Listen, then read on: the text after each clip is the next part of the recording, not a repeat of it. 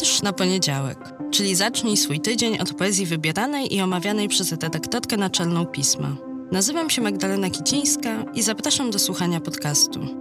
Cykl powstaje we współpracy z Fundacją Miasto Literatury.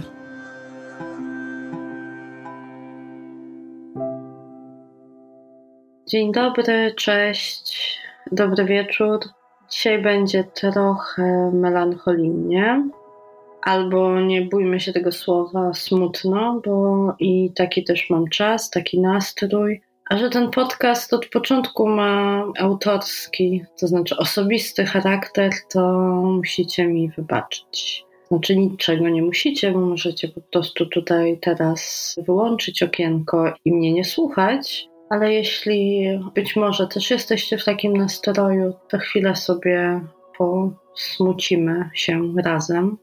No bo tak jak powiedziałam, taki to, taki to jest czas, że o właśnie nawet głos mi trochę w gardle więź, więźnienie, jak to się mówi.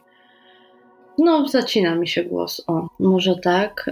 A powiem wam, że to wszystko jakoś się tak zlewa, że nawet smutek może gdzieś poetycko się zlewać z tym, co akurat wpada w oczy, bo ja w ostatnim tygodniu, czy nawet już dwóch tygodniach prawie niczego nie czytam, a jeżeli czytam, to właśnie w ręce wpadają mi teksty, które jakoś z moim nastrojem rezonują i te teksty w zaskakującym stopniu odnoszą się, czy odnoszą mnie, odnoszą mi nastrój do poezji, bo tak też było z tekstem z chyba nie zbyt aktualnego numeru tygodnika Polityka, Gdzieś tam ułożył mi się taki stosik w kuchni i sięgnęłam po jeden z numerów z tego stosiku, a tam znalazłam tekst, którego autorem jest Dariusz Kosiński. Tekst pod tytułem Komu czego zabraknie.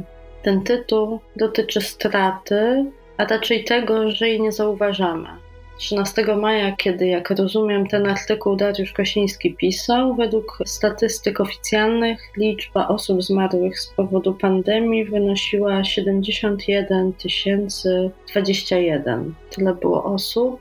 A dzisiaj, kiedy nagrywam ten podcast, ta liczba jest już o ponad 3000 większa, bo to 74 101 osób. I tak się złożyło, że, że tą jedną, tą 101 osobą na tej liście jest ktoś, kto mi był bliski.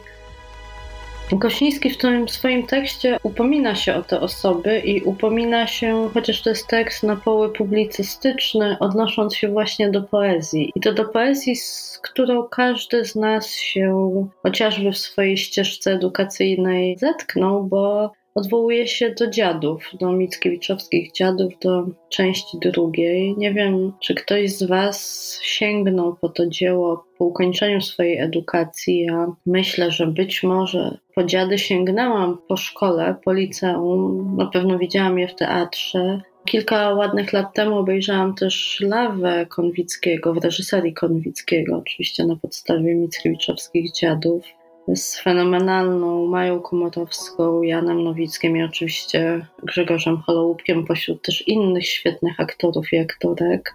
Ale no tak jak się domyślam, ale może was nie doceniam, no raczej po dziady nie sięgamy od tak. To nie jest tekst, który jest w takiej podręcznej apteczce. Tutaj takie puszczenie oka do czytelników i czytelniczek pisma, którzy znają apteczkę a przecież jest to jedno z takich fundamentalnych dzieł dla polskiej kultury i dla tożsamości kulturowej. I właśnie w takich momentach jak ten, kiedy gdzieś tam się mierzymy z tą stratą, albo jak pisze Kosiński, się z nią nie mierzymy jako społeczeństwo, dobrze jest do takich fundamentów kultury sięgnąć. I trochę o tym jest ten dzisiejszy odcinek, żeby Was zachęcić do sięgnięcia po poetyckie, dramatyczne, jeżeli chodzi o gatunek. Jest to dramat, ale przecież wielkie dzieło poezji również, poezji polskiej. Podziady Mickiewicza, zwłaszcza po tą część drugą, sięgnijcie, namawiam was, chociaż no właśnie na przykład pachnącemu czerwcowi to jest bardzo listopadowa w swojej naturze lektura.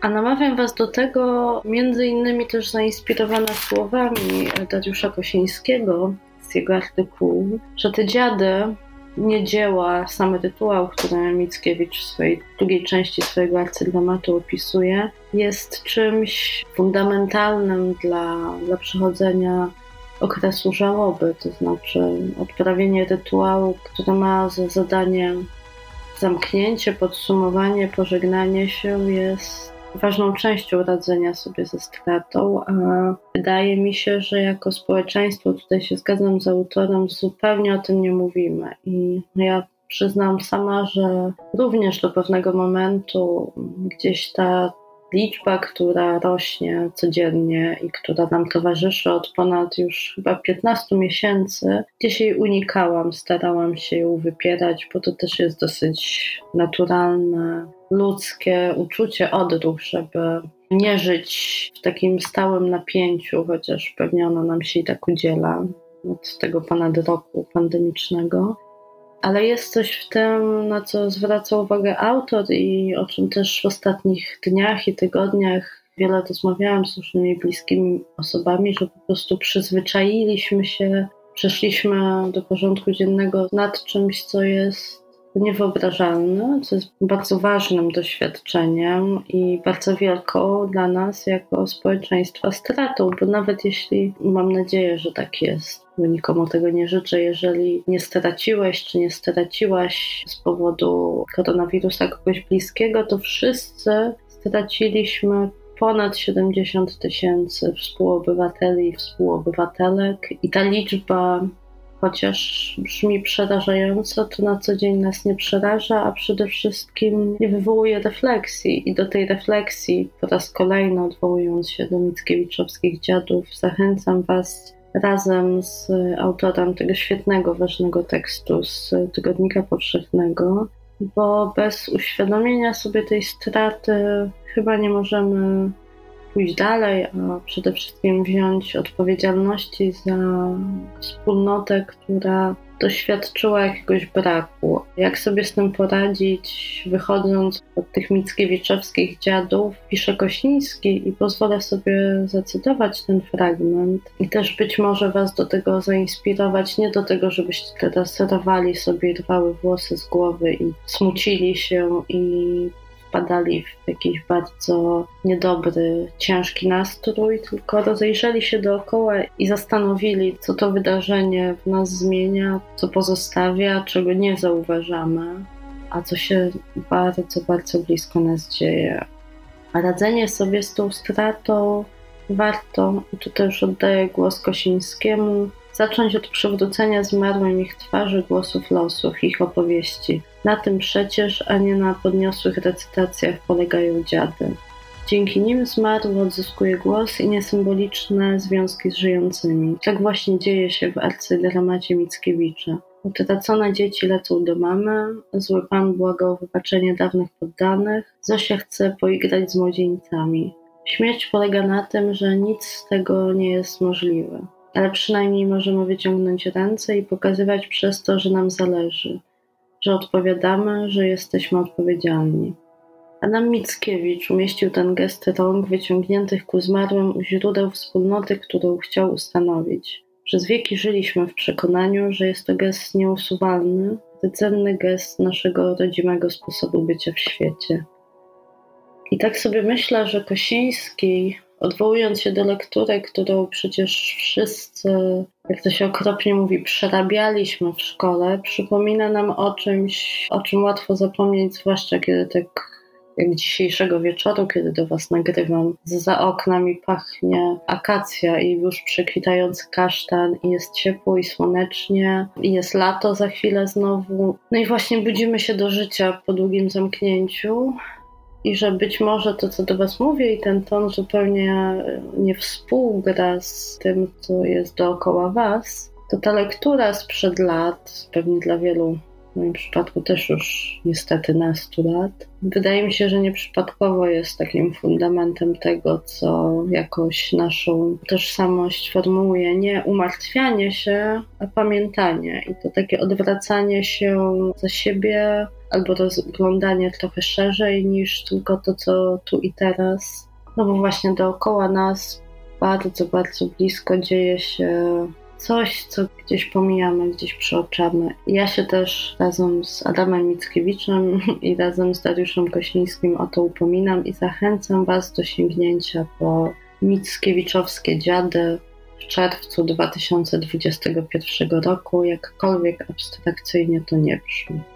Jeżeli kogoś udało mi się z Was do tego namówić i pobył albo pobyła w świecie, wydawałoby się, że zupełnie nieprzystającym do tu i teraz, to napisz do mnie, jeżeli tak właśnie zrobiłeś albo zrobiłaś, na adres wiersz na poniedziałek małpa magazynpismo.pl.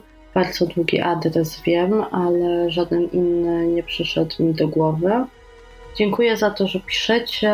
Przepraszam, że czasami chwilę dłużej no, musicie poczekać na odpowiedź, ale staram się, żeby te odpowiedzi były tak szczere, tak przemyślane, jak te listy, które do mnie piszecie, za co Wam bardzo, bardzo dziękuję. Dzięki Waszym listom nie tylko wierzę, ale i wiem, że poezja naprawdę jakoś nas łączy, mimo że się nie znamy, nie widzimy, mimo że właśnie teraz mówię do czarnej gąbki przez kabel, po drugiej stronie komputera jest Kuba i to nagrywa, to wiem, że gdzieś tam jesteście i tworzymy wspólnotę ludzi, którzy no właśnie mają takie ekstrawaganckie pomysły, jak to, żeby w czerwcu 2021 roku czytać drugą część Dziadów Mickiewicza. Bardzo, bardzo Wam za to dziękuję. Trzymajcie się ciepło i bądźmy razem w czytaniu poezji.